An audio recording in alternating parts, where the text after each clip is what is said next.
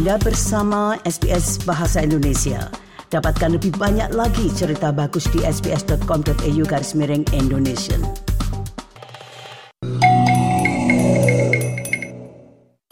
SBS SBS SBS SBS SBS Radio Nah, dari masalah kawula muda, kami akan mengangkat saat ini yaitu tentang masalah tinnitus. Apa itu tinnitus? Apakah Anda tahu itu tinnitus? Karena bagi penderitanya ini akan mempunyai dampak yang besar terhadap bukan kebugaran atau kesehatan, tapi juga kenyamanan kita. Nah, untuk itu marilah kita simak rangkuman Bapak Erki Kusmo berikut ini. Pendengar, di seluruh dunia banyak orang yang mengalami gangguan pada kondisi pendengaran mereka dan berdampak negatif yang signifikan. Namun hal ini mudah diabaikan.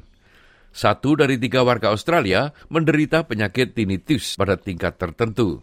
Dan hal ini mengganggu banyak aspek kehidupan sehari-hari dan berdampak pada kesehatan mental serta kesejahteraan mereka. Meskipun mekanisme penanggulangan sudah tersedia, para ahli mengatakan penelitian sedang dilakukan untuk menemukan solusi yang lebih permanen. Berikut ini laporan tentang hal itu yang disusun oleh Omo Bello untuk SBS News dan disampaikan oleh Ricky Kusumo.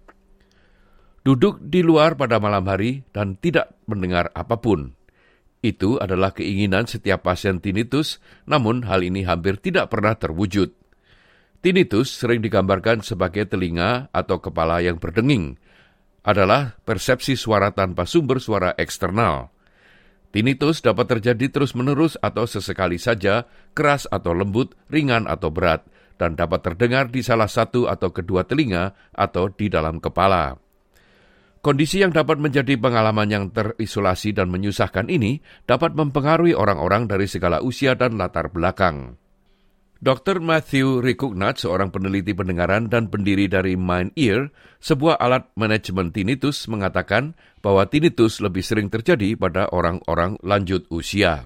It's pretty varied. I don't think there is a specific age at which it happens, but uh, it's most prevalent for people that are getting older because there is a high correlation between hearing loss and tinnitus. So the more you get older, the more your hearing is declining, the more you're likely to have some sort of tinnitus.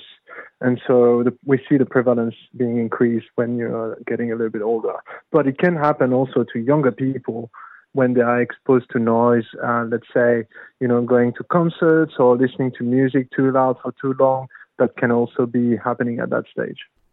Penelitian yang dilakukan oleh Hearing Health Foundation mengungkapkan bahwa hampir separuh orang yang berusia di atas 75 tahun dan sekitar sepertiga dari mereka yang berusia 64 hingga 75 tahun mengalami gangguan pendengaran. Namun, Dr. Kaitlin Ba, Kepala Eksekutif Badan Amal Sound Fair, mengatakan tinnitus menjadi lebih umum di kalangan anak muda saat ini. We do have this really concerning shift where young people, so 18 to 35, it's it's becoming increasingly common. And that's really around that age group where people are enjoying music and enjoying sound, and now we can listen to it, you know, in our direct to our ears all day, every day. And so it can it can happen at any age. No one is immune. Sebuah studi yang dilakukan oleh Hearing Australia menemukan bahwa hingga 70 persen orang berusia 18 hingga 35 tahun pernah mengalami tinnitus, dan 16 persen mengalaminya lebih dari sekali dalam seminggu. Meskipun tinnitus dapat memburuk seiring bertambahnya usia, bagi banyak orang kondisi ini dapat membaik dengan pengobatan. Dr. Regugnat mengatakan hasil dari pengobatan dapat berbeda-beda pada setiap individu. Scientific evidence suggests that there are multiple ways of coping with the tinnitus or managing the tinnitus, and those have been shown to help uh, in in different scenarios and sometimes in combination. Everyone is different. Everyone's tinnitus is different, and so you need to apply a range of different techniques and find the, the each person with tinnitus has to find the right combination of of solutions for them that works for them. And build a routine and, and the habits that uh, make them feel better and, and cope with the tinnitus. Penanganan tinnitus bukanlah solusi yang bisa diterapkan untuk semua orang karena penderita tinnitus dapat mendengar berbagai jenis suara. Di Australia, 30% penduduknya hidup dengan tinnitus. Bagi 15 sampai 20 persen orang, tinnitus menyebabkan kesusahan dan berdampak signifikan terhadap kehidupan, kesehatan mental, dan kemampuan mereka untuk melakukan tugas sehari-hari. Victoria Didenko telah menderita tinnitus selama 10 tahun terakhir. I mean, it's manageable, but it really isn't easy. And when I first had my tinnitus onset, um, I struggled with severe depression and anxiety because it's it's like a dripping tap in the middle of the night. It's just constantly there. You just want to be able to turn it off, but you can't. Dr. Emma Laird, pemimpin inisiatif Tinnitus Australia dan seorang penderita tinnitus mengatakan tinnitus dapat disebabkan oleh berbagai faktor. There's lots of different reasons that we can get tinnitus. So most of the time it will be due to something happening in the hearing system, so whether that's hearing loss, and that will be for most people the cause of tinnitus. The other big type is something called somatic tinnitus, and that can happen if we've got issues, say, in our jaw or in our neck, something physical um, going on with the muscles or the skeleton. Miss Didenko mengatakan ibu dan neneknya mengalami gangguan pendengaran dan hal ini mungkin menjadi alasan diagnosisnya. Namun para ahli mengatakan tidak ada bukti yang jelas bahwa tinnitus disebabkan oleh faktor genetik. 45% persen penderita tinnitus mengalami depresi. Orang dengan tinnitus yang mengganggu mungkin merasa tidak ada jalan keluar dan memilih pikiran untuk bunuh diri.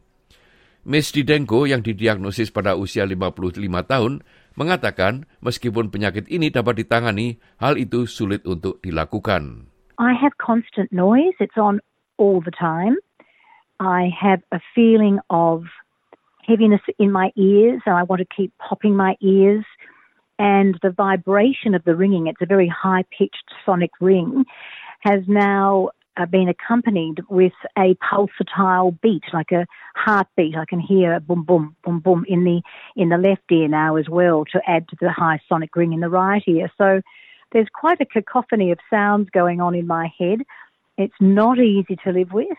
I'm not going to make light of it. I do struggle with it. Um, I have a, a, a very supportive family and husband. I get on with it, yes. I manage it, I cope, but it isn't easy. it's challenging. Sekitar satu dari tiga orang Australia pernah mengalami tinnitus pada suatu saat dalam hidup mereka, dan sekitar satu dari enam orang hidup dengan tinnitus terus-menerus. Sekitar dua persen warga Australia merasa tinnitus yang mereka alami sangat menyusahkan.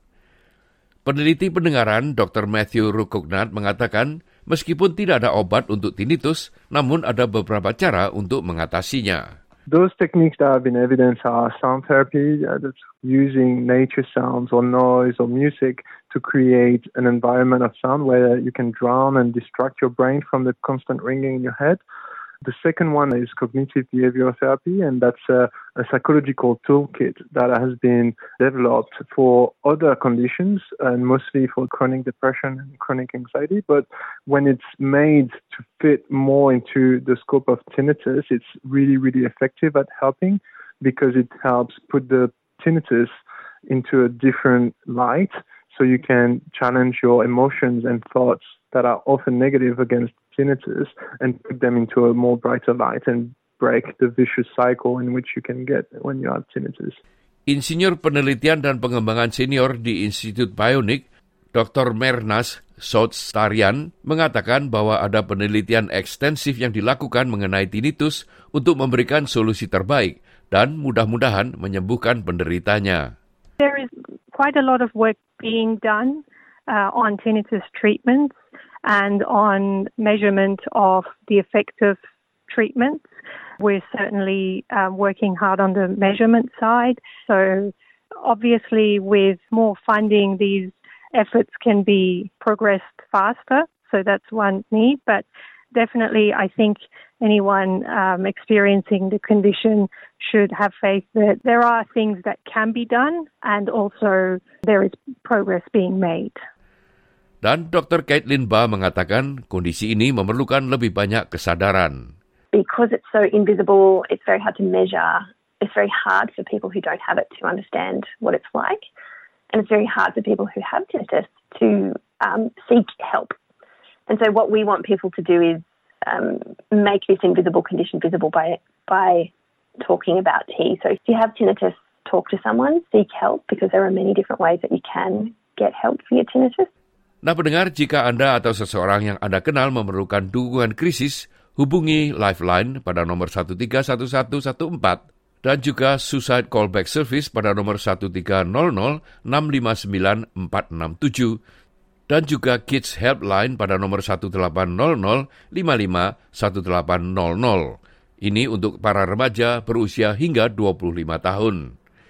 Informasi lebih lanjut dan dukungan mengenai kesehatan mental tersedia di beyondblue.org.au atau pada nomor 1300 22 4636. Nah pendengar itulah tadi sebuah rangkuman yang disusun oleh Omo Bello untuk SBS News dan disampaikan oleh Ricky Kusumo. Nah itulah tadi Bapak Ricky Kusumo dengan rangkumannya tentang tinnitus dan nantinya Anda dapat mengaksesnya dari situs kami di www.sbs.com.au garis miring Indonesia itu.